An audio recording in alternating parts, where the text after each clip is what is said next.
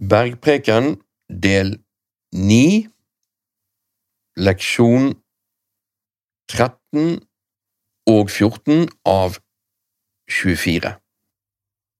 Vi ber litt. Kjære Far, takker for denne stunden, takker for ditt ord. Takk for at du virker det i oss, og da vil og virke til ditt behag når vi jobber med det, når vi arbeider på vår frelse med frykt og beven. Takk for det, kjære Far. Takk for at vi får bli mer kjent med Jesus. Takk for at Den hellige ånd er den som skal lære oss alle ting. Og vi kan spørre Han, og Han vil vise oss og veilede oss til hele sannheten. Takker for hva du gjør med oss gjennom det vi skal gå gjennom nå. I Jesu navn. Amen. Leser da fra Matteus, og det blir jo da kapittel seks vi kom til nå. Og dette blir jo episode 13 av 24, da. Altså Matteus kapittel 6, vers 16. Og her begynner det med og. Det betyr at det er i en sammenheng, og sammenhengen får vi fra begynnelsen der. Det er en del og etter begynnelsen. Og Begynnelsen må jo vers 1. Se til at dere ikke gjør deres barmhjertighetsgjerninger foran mennesker for å bli sett av dem. Da har dere ingen lønn for deres far i himmelen.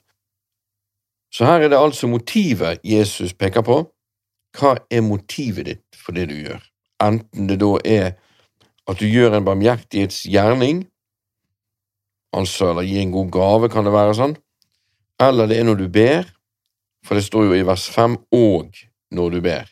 Altså, disse inngår innunder det han har sagt i vers 1, der han peker på motivet. Og hvis motivet er rett, hvis det ikke er for å bli sett av mennesker, da er det faktisk lønn fra vår Far i himmelen. Og det gjelder enten det er barmhjertighetsgaver, da vil din far, hvis du gir den i det skjulte, da, så vil din far som ser i det skjulte, han vil belønne deg åpen, åpenlyst. Og med bønn akkurat samme, og din far som ser det skjulte, skal belønne deg åpenlyst, står det i slutten av den òg. Og så kom dette med ikke bruke meningsløse gjentagelser, for vår Far i himmelen vet hva vi trenger til før vi ber Han, og så kommer jo da slik skal dere be. Derfor skal dere be slik. Og det er jo ikke et forslag, det er jo faktisk en befaling, og vi var inne på det sist, gi oss i dag vårt daglige brød. I den bønnen betyr at det er en daglig bønn. Og du kan jo bare ramse den opp, selvfølgelig, men da kommer du inn under Markus 7, sant, der det står at dette folket ærer meg med leppene, men deres hjerte er langt borte fra meg. Så det må være hjerte i det, derfor kan jeg bruke lang tid på Fader vår noen ganger, fordi jeg må mene det, og jeg må tenke igjennom hva den innebærer. sant? Så kan jo det se sånn ut at det handler om hva vi trenger, siden han sier det i vers 8 der. Deres far vet alt dere trenger før dere ber han, derfor skal dere be slik. Det betyr at la ditt rike komme, la din vilje skje på jorden som han skjer i himmelen, eller som i himmelen. Altså, i det ligger det alt jeg trenger. Så også frels oss fra det onde.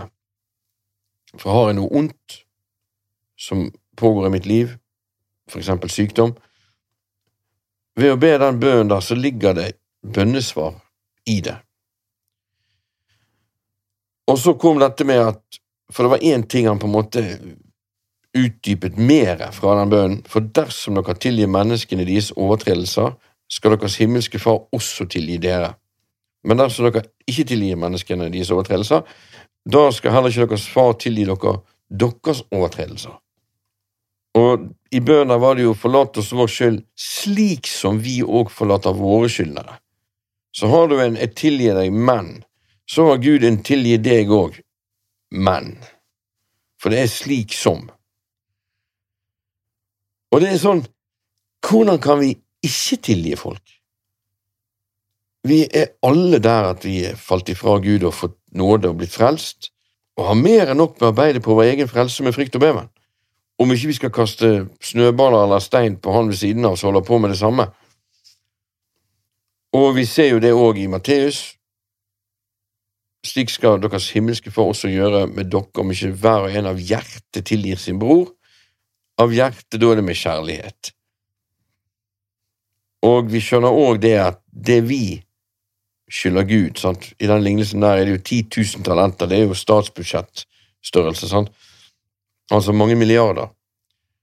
Mens han tar kveletak på en som skylder han jeg tror det er 100 denarer, ca. 3-4 månedslønner. Så det meste et menneske kan såre det her på jorden, uansett hvem det enn er og hva sak det enn gjelder, er sammenlignet fire månedslønner i forhold til et statsbudsjett som du skyldte Gud. sant? Så finnes det saker som du må faktisk ta opp, for du kan ikke gå med på at dette skal være noe som skal være standarden blant oss troende. For det er stor forskjell på en bror som sier 'tilgi meg', og som angrer, og en som ikke sier det, og som står fast på at det som er feil, faktisk liksom det skal være rett. Da må du gå i rette med det. Hvis det er stort nok, da. Noen ganger er du heldig. Trekk deg tilbake fra enhver bror som vandrer utilbørlig. Ok, andre ganger er det større sak. Du må adlyde Jesus du òg. Gå og snakk med han du alene, videre, hvis ikke han hører på det, ta med deg en til, videre. Som er leit. Og det, det må gjøres i kjærlighet, med ønske om at den personen skal omvende seg. For hvis den delen mangler, så er det på en måte feil. Såpass feil at du må gå i deg sjøl først her. Og så kommer det her, da, i vers 16, kapittel 6, 16, altså i Matteus, og vi leser derfra. Og når dere faster, så vær ikke så hyklende, som faster med et trist ansikt, for de fordreier ansiktet sitt, slik at de skal vise for menneskene at de faster. Sannelig, sier dere, de har allerede fått sin lønn.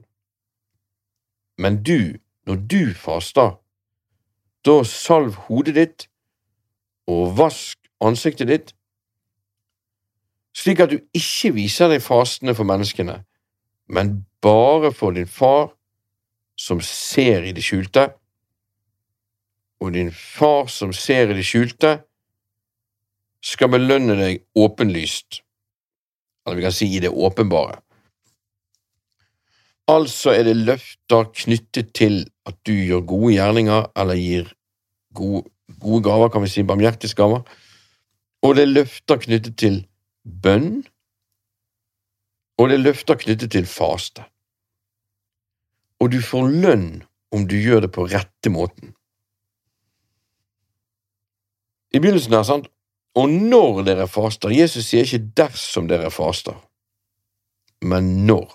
Det betyr vi faster. Hvor ofte vi faster, står det ingenting om. Hvor lenge vi faster, heller ikke noen poeng her.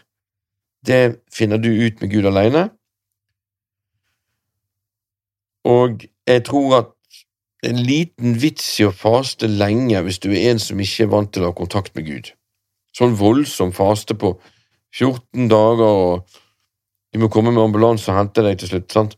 det har vært en del sånne kristne som er voldsomt i det, og så er det på en måte jeg har nesten lyst til å si kjødelig faste. Fordi man kjører på, og nå skal man gi alt, liksom.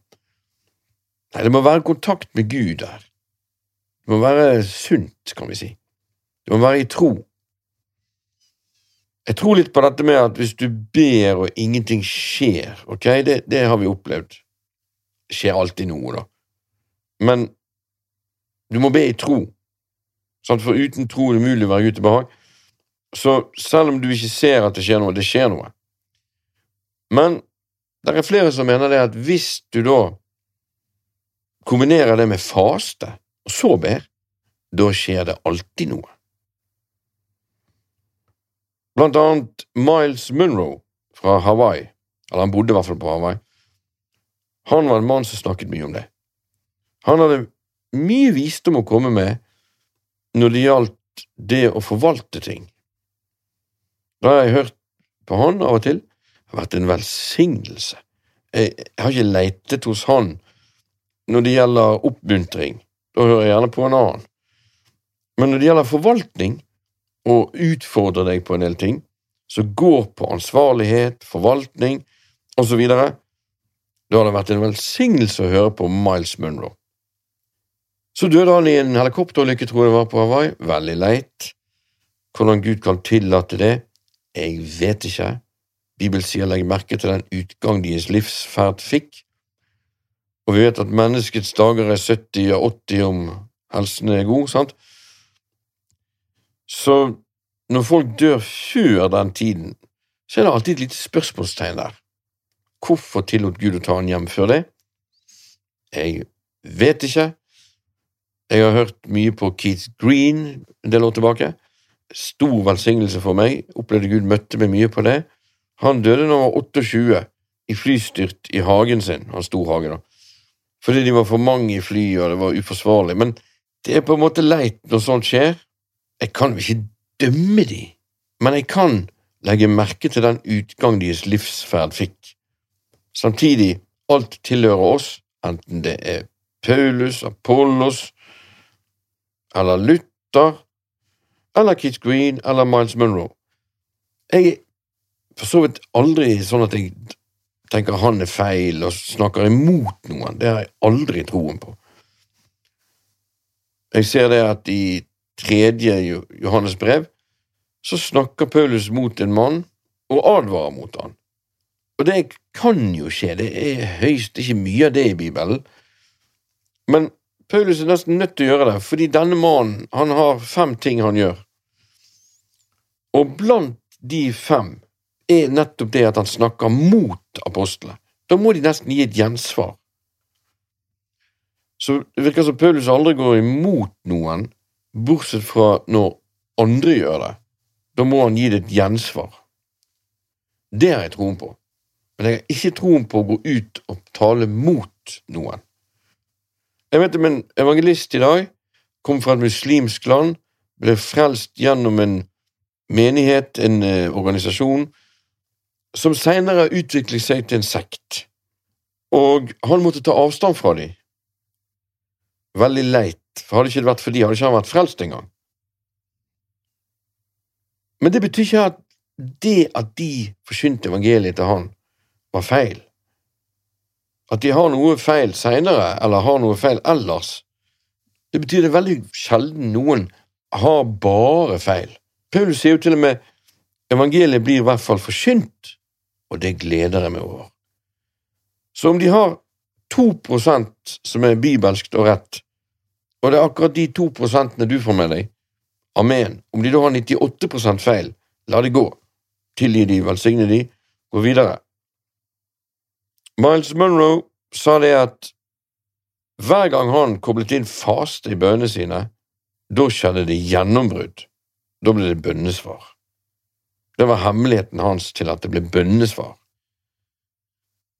Når vi ser her, sant, Jesus sier, og når dere faster, så vær ikke som hyklerne som faster med et trist ansikt, for de fordreier ansiktet sitt, slik at de skal vise for menneskene at de faster.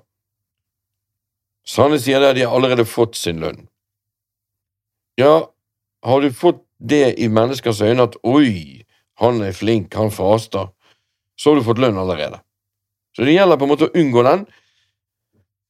Men det er vanskelig å se på det stedet her uten å se på et annet sted. I for eksempel Markus. Ja, Markus kapittel 2, vers 18. Der står det både Johannes og fariseerens disipler fastet så kom de og sa til han, Hvorfor faster Johannes og fariseerens disipler, mens disiplene dine faster ikke? Jesus sa til dem, kan brudgommens venner faste når brudgommen er hos dem? Så lenge de har brudgommen hos seg, kan de ikke faste, men de dager skal komme da brudgommen blir tatt bort fra dem. Da skal de faste i de dager. Ingen syr et stykke ukrympet tøy på et gammelt plagg, ellers drar den nye lappen med seg et stykke fra det gamle plagget, og riften blir bare verre. Og ingen fyller ny vin i gamle skinnsekker, ellers får den nye vinen skinnsekkene til å sprekke. Vinen renner ut, og skinnsekkene blir ødelagt. Ny vin må fylles i nye skinnsekker. Og det er jo interessant. Det betyr at Johannes døperen han hadde disipler. Noen av disiplene til Jesus var jo hans disipler tidligere, og der var det fasting på gang. Jobben deres var å døpe hele Israel og hjelpe dem til å bekjenne syndene sine. Og det var jo tusener. Så ja, det trengtes noen til å gjøre jobben. Og de var koblet på Gud, og de fastet. Og fariseerens disipler fastet, det kunne alle se. Og så kommer Jesus sine disipler, og de holder aldri fast i det hele tatt. Og det er klart, man lurer jo på hva dette er for noe. Fordi gjennom hele Gammeltestamentet så så vi faste. Og det var enten sånn Det ble på en måte tinglyst, holdt jeg på å si, eller proklamert ut, alle holdt en faste. Vi ser jo det i Ninive til og med, at til og med dyrene, barn, alle ble nektet mat og drikke, for nå må vi faste og vende om til Gud. Og det virket, Gud møtte de. Og i Gammeltestamentet faste, sekk og aske. Du gikk ikke i klærne dine, du gikk i sekkestrie, og du strødde aske eller jord over hodet. Noen de rev ut hårene, noen rev opp klærne. Det var en nød, og det var en reell nød som regel òg fordi man var gjerne beleiret av fienden, eller det var en krise, eller man var profet, man var aleine med Gud, man hadde nød i hjertet, og man fastet. Og vi ser det går igjen gjennom hele Gammeltestamentet, så alle visste hva faste var, men nå er det blitt litt greie ut av det, fordi én ting er det at man har oppriktig nød, og faster for å hjelpe til med at folk skal bli døpt, for eksempel med Johannes, døperen Johannes. Men en annen ting er det gjerne fariseerne holdt på med. For å vise, se hvor flink vi er, sant? Og så sier Jesus, kan brudgommens venner faste når brudgommen er hos dem? Så lenge de har brudgommen hos seg, kan de ikke faste, men dager skal komme da brudgommen blir tatt bort fra dem, da skal de faste i de dager. Brudgommen, hva mener han der? Og det er interessant, for det er en bok i Bibelen som heter Sangenes sang. I vår bibel heter han Salomos høysang, men egentlig heter han Sangenes sang. Vi har jo Jesus, han er kongenes konge, herrenes herre, og her er det sangenes sang. Det betyr at alle sangene har én sang. Det er én sang som er fullstendig forskjellig til alle andre sanger på jorden, og det er sangenes sang. Og den er en skatt i Bibelen, en hemmelighet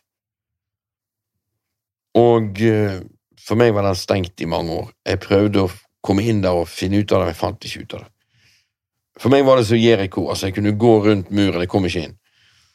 Men en dag inviterte Gud meg inn, når jeg var klar for det, og begynte å åpenbare den for meg. Og den er jo en romanse, kan vi si, en sterk romanse, med veldig mange skatter i, som handler om Jesus. Men interessant er det at den boken der, den finner du igjen i alle de andre 65 bøkene i Bibelen. Gud har gitt skatter i alle bøkene, fordi vi kan si Bibelen begynner jo med et bryllup og avsluttes med et bryllup, og midt i Bibelen kommer sangene sang, som òg handler om et bryllup. Og dette bryllupet Paulus sier det er en stor hemmelighet, og det er det jo. Det er jo egentlig Kristus og bruden, sant, menigheten. Og Gud har spredt hemmeligheter om dette bryllupet i alle bøkene i Bibelen, også i Markus. For plutselig sier Jesus, kan brudgommens venner faste når brudgommen er hos dem? Det er en stor hemmelighet han er innpå der. Og vi skjønner jo det i dag, han er brudgommen. Og brudgommens venner blir jo da disipler, sant? Så lenge de har brudgommen hos seg, kan de ikke faste. Men dager skal komme da brudgommen blir tatt fra dem, da skal de faste i de dager. Altså, det kommer en dag da disse disiplene hans vil ha en felles faste. Og vi vet når det var. Det var jo når Jesus ble tatt til fange, og korset. Det var den dagen Jesus, altså brudgommen, ble tatt ifra dem. Da var ikke det tid for å spise og kose seg. Jeg tror ikke de klarte det om de hadde prøvd engang. Så går det noen dager, og da, da spiser de, sant, men, men eh, de klarer ikke det der og da, tror jeg i hvert fall. Jeg tror det er da han peker på, det er det han sikter til. Det kan være deg personlig i ditt liv. Du opplever Jesus, du har fellesskap med han, men det kommer en periode du føler at Gud har forlatt deg, du er aleine. Hvorfor det? Har du gjort noe galt? Det kan jo være, og da kommer det inn fordømmelse videre, men hvis ikke det er det, da? Det kan være fordi Gud vil du skal gå dypere, som en plante, sant? Vi vet at i tørketid, da går røttene ofte dypere. De vokser seg nedover for å få tak i vann. Og Det kan være Gud trekker seg tilbake, for han vil at du skal gå dypere. Og noe av det kan være at det innebærer at han vil du skal faste. Fordi Gud vil ha deg dypere, han vil velsigne deg mer, men det krever at du følger på, hungeren din øker, du hungrer etter Gud, du hungrer ikke etter mat lenger, du hungrer etter Gud. Da er det på tide å faste. Så det kan være at det er det som skjer, at brudgommen blir tatt ifra deg, føler du. Kanskje, jeg skal ikke si at det er det, men det kan være en innbydelse til faste. Men så sier Jesus videre, ingen syr et stykke ukrympet tøy på et gammelt klesplagg. Ja, la oss si du har en dongeribukse, og så tar du ny dongeri som en lapp. Du kjøper inn litt ekstra dongeri, og du tenker ja, flott, her er hull i seks-syv bukser, og det er bare til å lappe de litt, og så tar du klipper den nye dongerien og legger på. Det går ikke, for når du vasker det, så vil den nye dongerien krympe, mens den gamle har jo allerede krympet. Og når den nye da, lappen krymper, så rakner stingene sånn, eller ja Lappen rakner. og river med seg fra det gamle plagget. Riften blir bare verre. Og så kommer Jesus med ny vin i gamle skinnsekker. Ingen gjør det. Fordi ny vin har en tendens til å gi et trykk, sant, det utvider seg. Det har en effekt der det presser på. Og det går helt fint, for har du en ny skinnsekk På den tiden der hadde man vin i skinnsekker, gjerne sånn. Vann også. Og det er fint, for de var elastiske.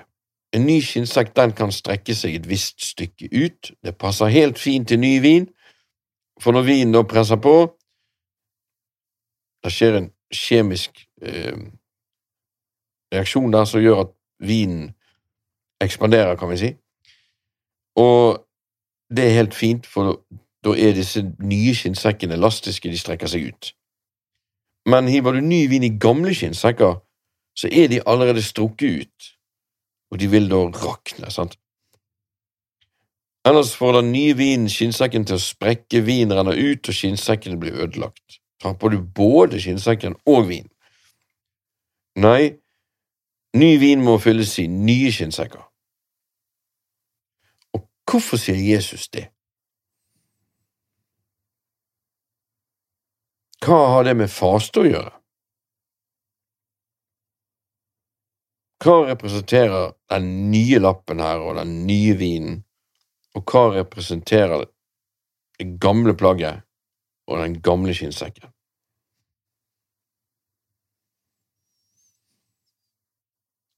Jo, jødene har jo en idé om faste og har hatt det i tusenvis av år, holdt jeg på å si, sant? i hvert fall veldig lenge. Og da skal det videreføres sånn som de kjenner faste, slik som fariseerne holder det. Men det er bare det at fariseerne holder det ikke lenger av oppriktig grunn, men for å bli sett av menneskene, for å få Og det er veldig tiltalende i kjødet. En av de første syndene vi kan se sant, i Edens hage. Hun kunne se at treet var godt, sant? og at det ga forstand, og dette her også, og at hun ville bli som Gud, det å skulle være noe, det ligger sterkt i kjødet. Det ligger så sterkt i kjødet at Jesus måtte gå i rette med disiplene på det. Og si til dem at den som vil være størst, han må være minst. sant? Og likevel, rett før slutten, etter tre og et halvt års disippelgjøring, så er det jammen sant det de snakker om igjen likevel, gang nummer to. Da kommer det igjen opp tanke hvem av oss er størst? Sikkert fordi at Jesus snakker om han skal dø, og de vet ikke hva som skjer, og de tenker han skal snart Eller kanskje de tenker han skal snart innta riket, han skal være konge, hvem av de skal være finansminister, hvem skal være ja, utenriksminister, sånn. Så igjen, han må ta en ny runde med, med dette med ikke søke å være størst. Og jeg tror det ligger i kjødet til alle etter de er født på ny. Vi ser disiplene, det ligger der veldig sterkt. Og det er noe de holder på med både tidlig i prosessen så vel som helt på slutten. Det endrer seg ikke. Det betyr at veldig mange av motiv, motivene dine er at du vil være noe. Selvfølgelig, noe av det kan jo være Gud. Gud har skapt deg for ikke bare tro du er noe, men vite at du er noe, og vite at du er noen. For at du har en verdi i Kristus Jesus, og hvis andre, da, som er veldig vanlig i Norge da, per i dag, ikke anerkjenner deg som den du er i Kristus Jesus, og det du har fått fra Gud, og på en måte inviterer deg frem, og deg frem, så er det noe feil der. Og det gjør det gjerne ikke, for det ligger jo sterkt i sjøl at de sjøl vil være noe. Det ligger i alle sammen, sant? Så det er vanskelig da å slippe til andre, for du har mer enn nok med å jobbe med å komme til sjøl, som jo er feil, som som er kjødelig, men vi har jo veldig mye av dette rundt om. For det enten er det vekkelse, folk er fylt av ånden, og da har vi det ikke, selv om det kan være noen da òg. Eller det er ikke vekkelse, folk er ikke fylt av ånden, og vi har mye av det der. Noe av det sterkeste i kjødet er jo det der. Så det å være en fariseer som faster Oi, da er du gjev i folks øyne, sant? Da, er du noe. Men det er bare det at Jesus utfordrer hele fasten. For det er én ting er fasten, en annen ting er rammen fasten skjer innunder. Og rammen her, det er Gammeltestamentet, den gammeltestamentlige fasten. Men Jesus, han utfordrer både rammen og innholdet. Fordi det gamle plagget må ha gammel lapp. Det nye plagget, hvis det er gått hull på det, må ha ny lapp. Nå er det nytt. Og nei, Jesus vil ikke videreføre den gamle fasten, slik at de kan holde på på gamlemåten. Han på en måte avslutter den gamle fasten. Ikke helt, for dette kommer en dag da de skal faste, sier han. Men det er, da er motivet det at brudgommen er tatt fra dem. Veldig vanskelig å hykle den når Jesus blir tatt. sant?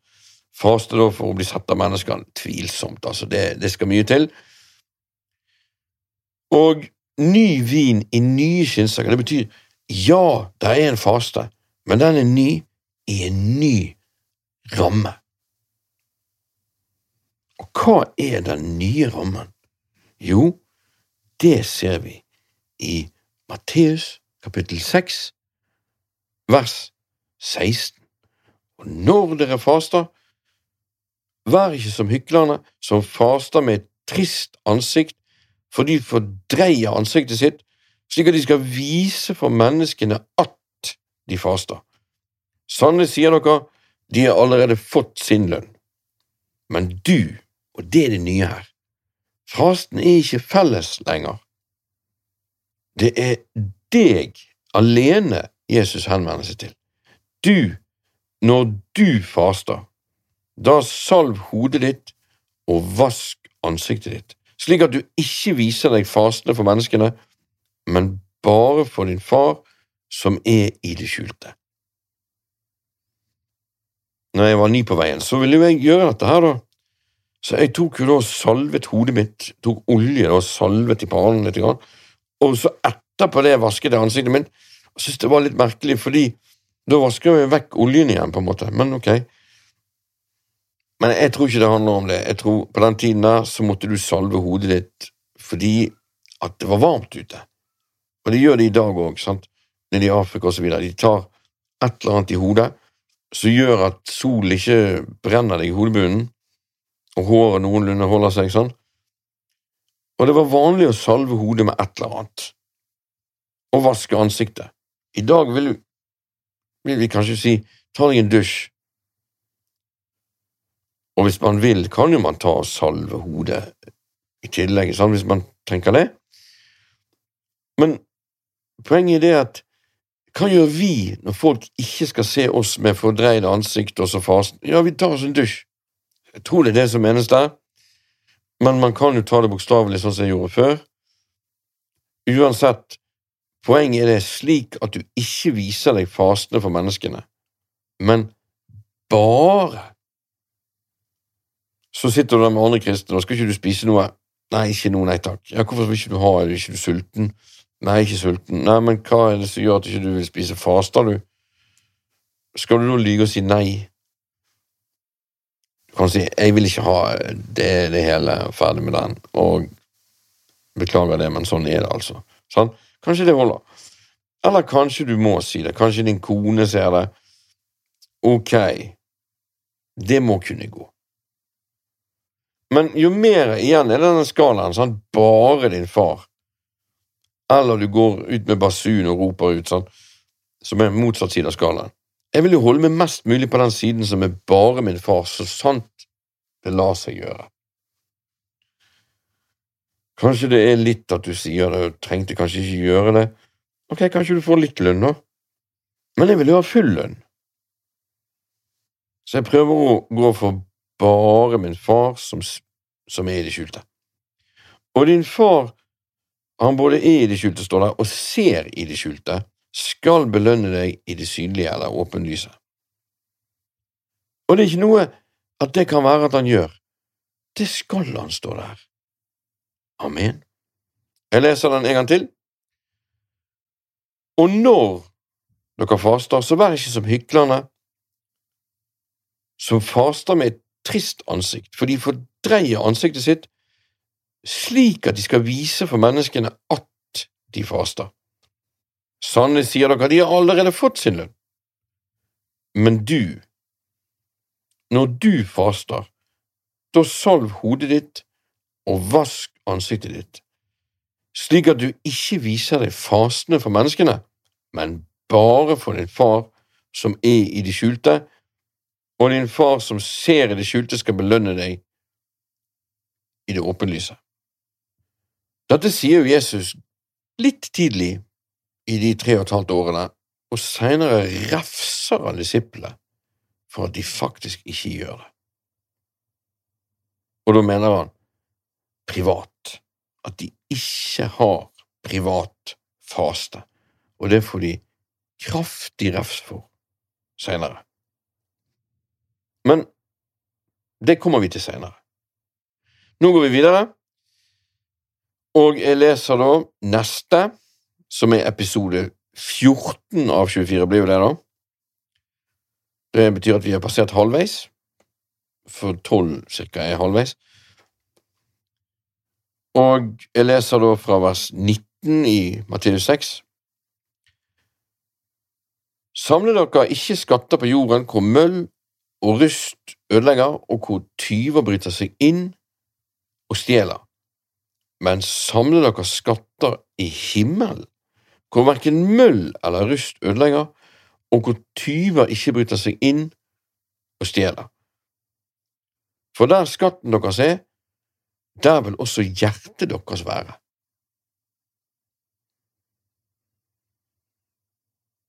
Altså 1921. Og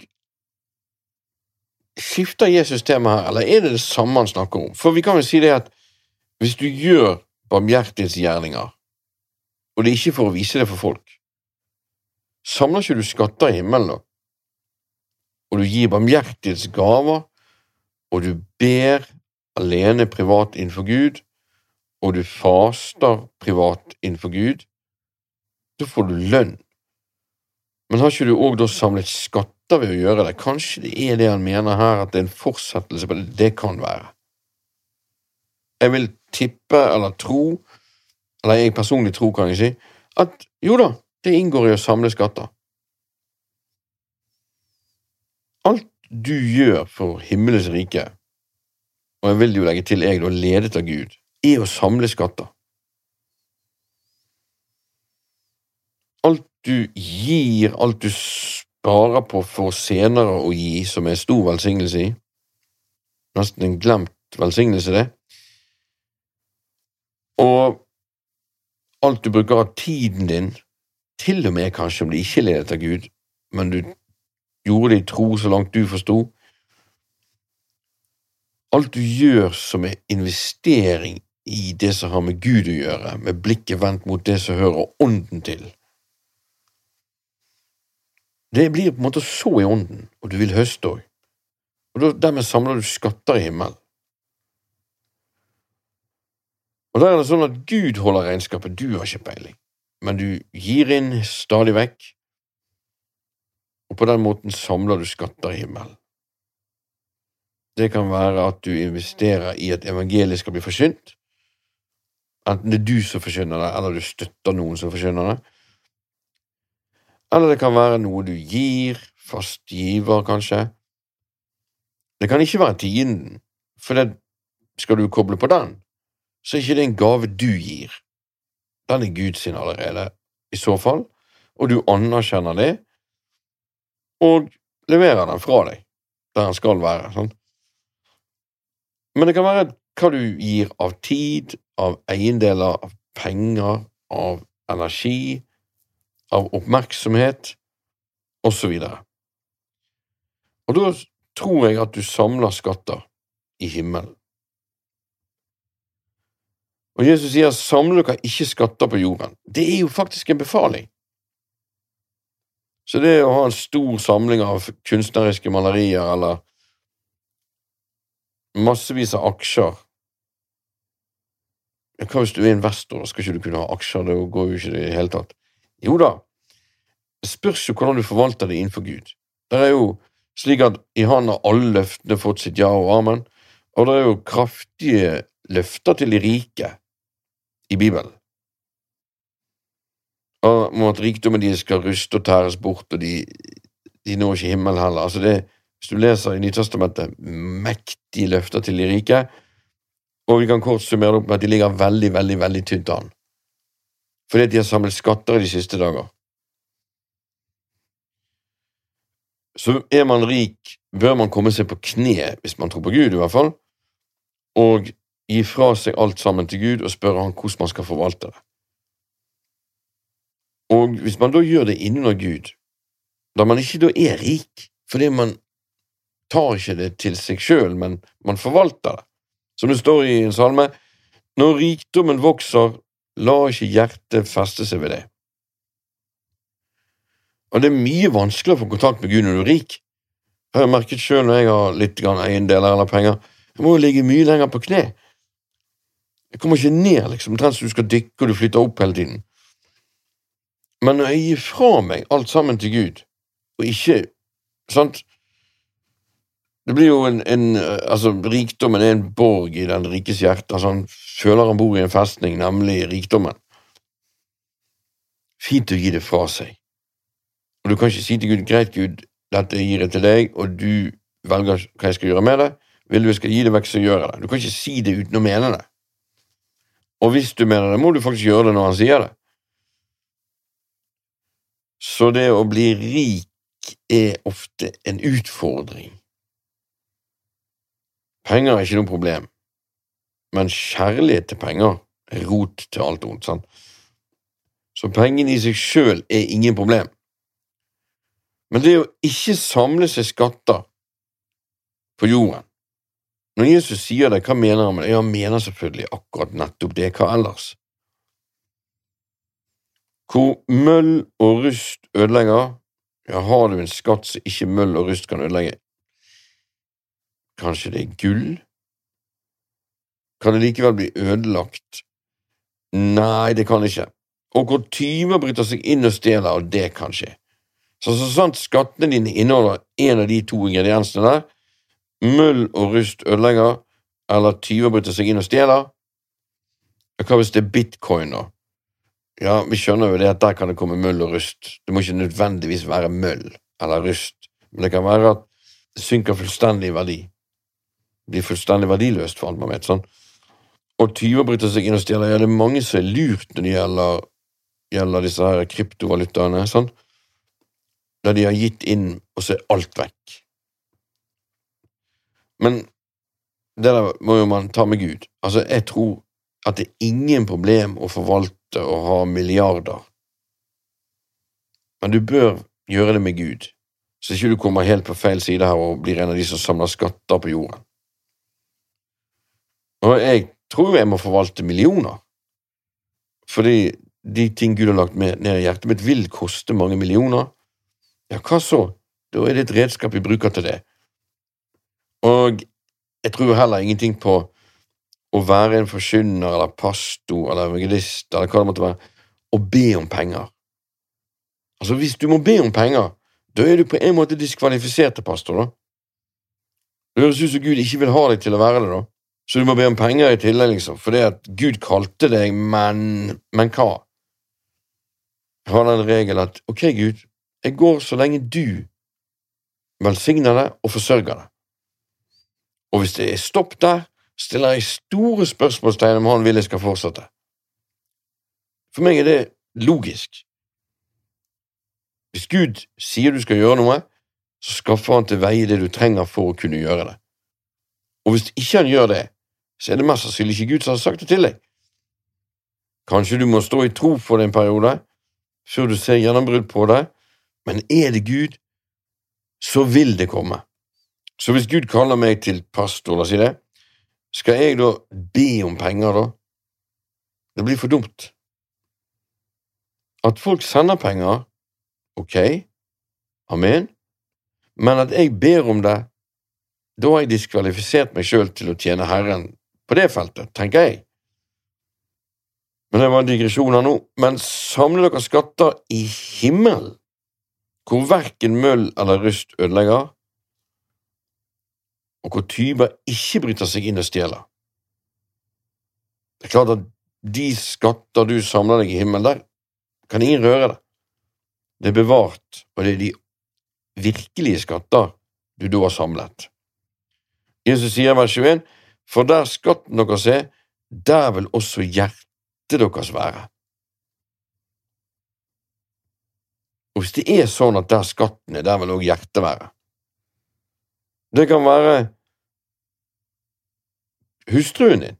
Hun er skatten din, og du er hele tiden der hun er. Det blir feil, fordi at Gud, han bør være skatten din nummer én.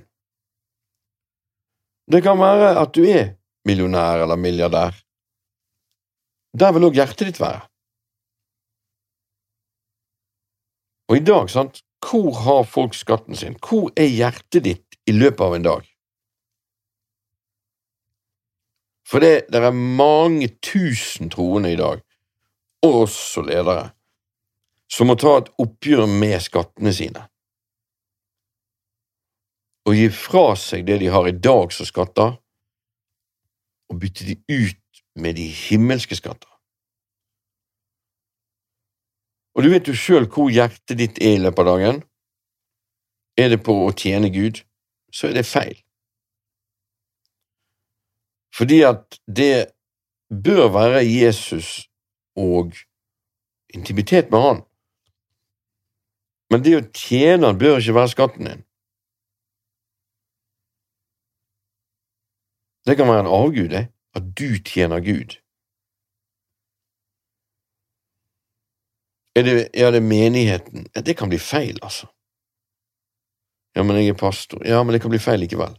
Det bør være Gud som er skatten din, og hva deg og han gjør i fellesskap, i så fall. Og det kan være menigheten, selvfølgelig. Det kan være barna, at du kaller barna for skattene dine, og det er helt ok, det, altså, men har du hjertet med Gud, vokter du hjertet ditt fremfor alt du vokter, for livet utgår fra det? Eller stenger du for liv til barna dine, fordi et liv ikke går ut fra det, fordi du ikke vokter hjertet ditt fremfor alt du vokter, fordi du vokter barna mer? Selvfølgelig skal man vokte barna, men de skal ikke være nummer én. Hjertet ditt, som forvalter av disse barna, som en som har fått av Gud å forvalte de og ha ansvar over de og oppdra de på en sunn og god måte, så vil ikke det bli sunn og god måte hvis ikke du vokter hjertet ditt fremfor alt du vokter, for livet utgår fra det. Så om du da vokter barna fremfor alt, så utgår ikke det så mye liv fra deg, og du gjør en dårligere jobb, selvfølgelig.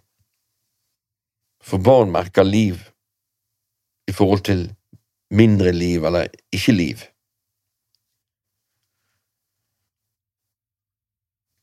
Og da er det interessant, der skatten din er, der vil hjertet ditt være. Er skatten din Guds ord?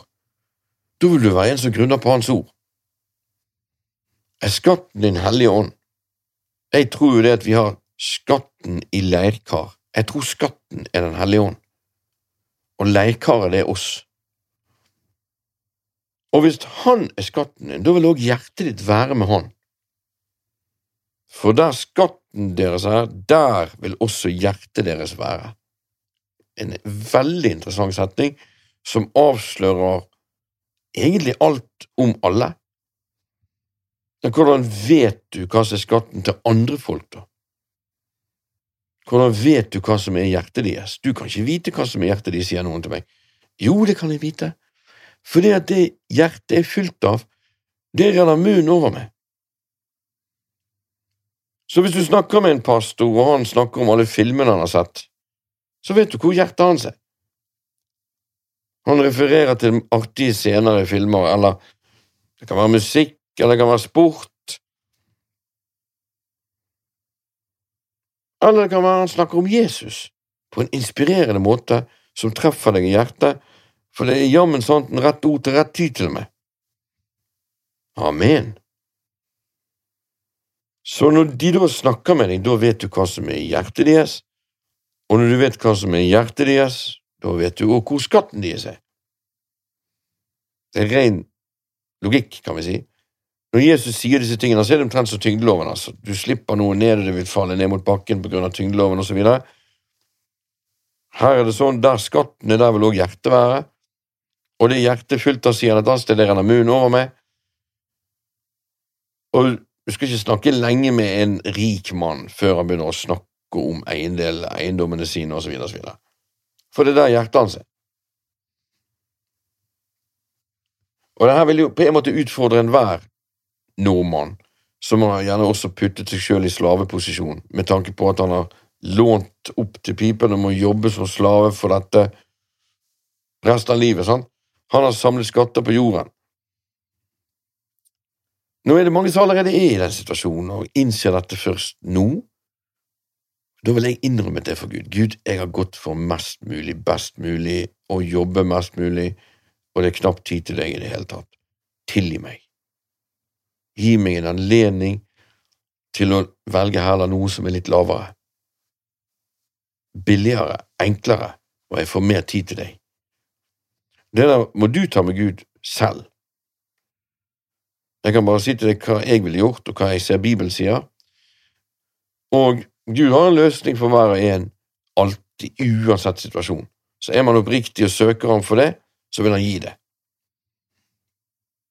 Nå er det sånn at Folk kjøper gjerne en svær TV òg, og så når de kommer hjem fra jobb, så er de slitne, de orker ikke søke Gud, de orker heller ikke sove, for de er for våken til det. Da har du kommet inn i den der eh, Hva skal jeg kalle det, da? Brakkvann eh, Jeg vet ikke, altså, det er sånn verken eller. Det er dårlig, altså. Jeg hadde det sånn lenge før jeg måtte slappe av når jeg kom hjem, og det tok gjerne fem timer med TV-en før jeg var klar til noe mer. Så utfordret Gud meg og sa hiv ut hele TV-en, og det gjorde jeg. Alt annet der hadde jeg møblert i tro med Gud, for jeg hadde jo ikke noe økonomi til det da jeg flyttet inn her. Bortsett fra TV-en. Den kom ikke Gud med. Jeg skjønte at den kom Satan med. Han kom med, med en slektning, en venn. Ofte de Gud bruker, nei, unnskyld, det er ofte de fienden bruker for å lure deg. For det, de går gjerne ikke med Gud. Så den TV-en, den ble jeg oppringt, vil du ha en TV? Ja, jo.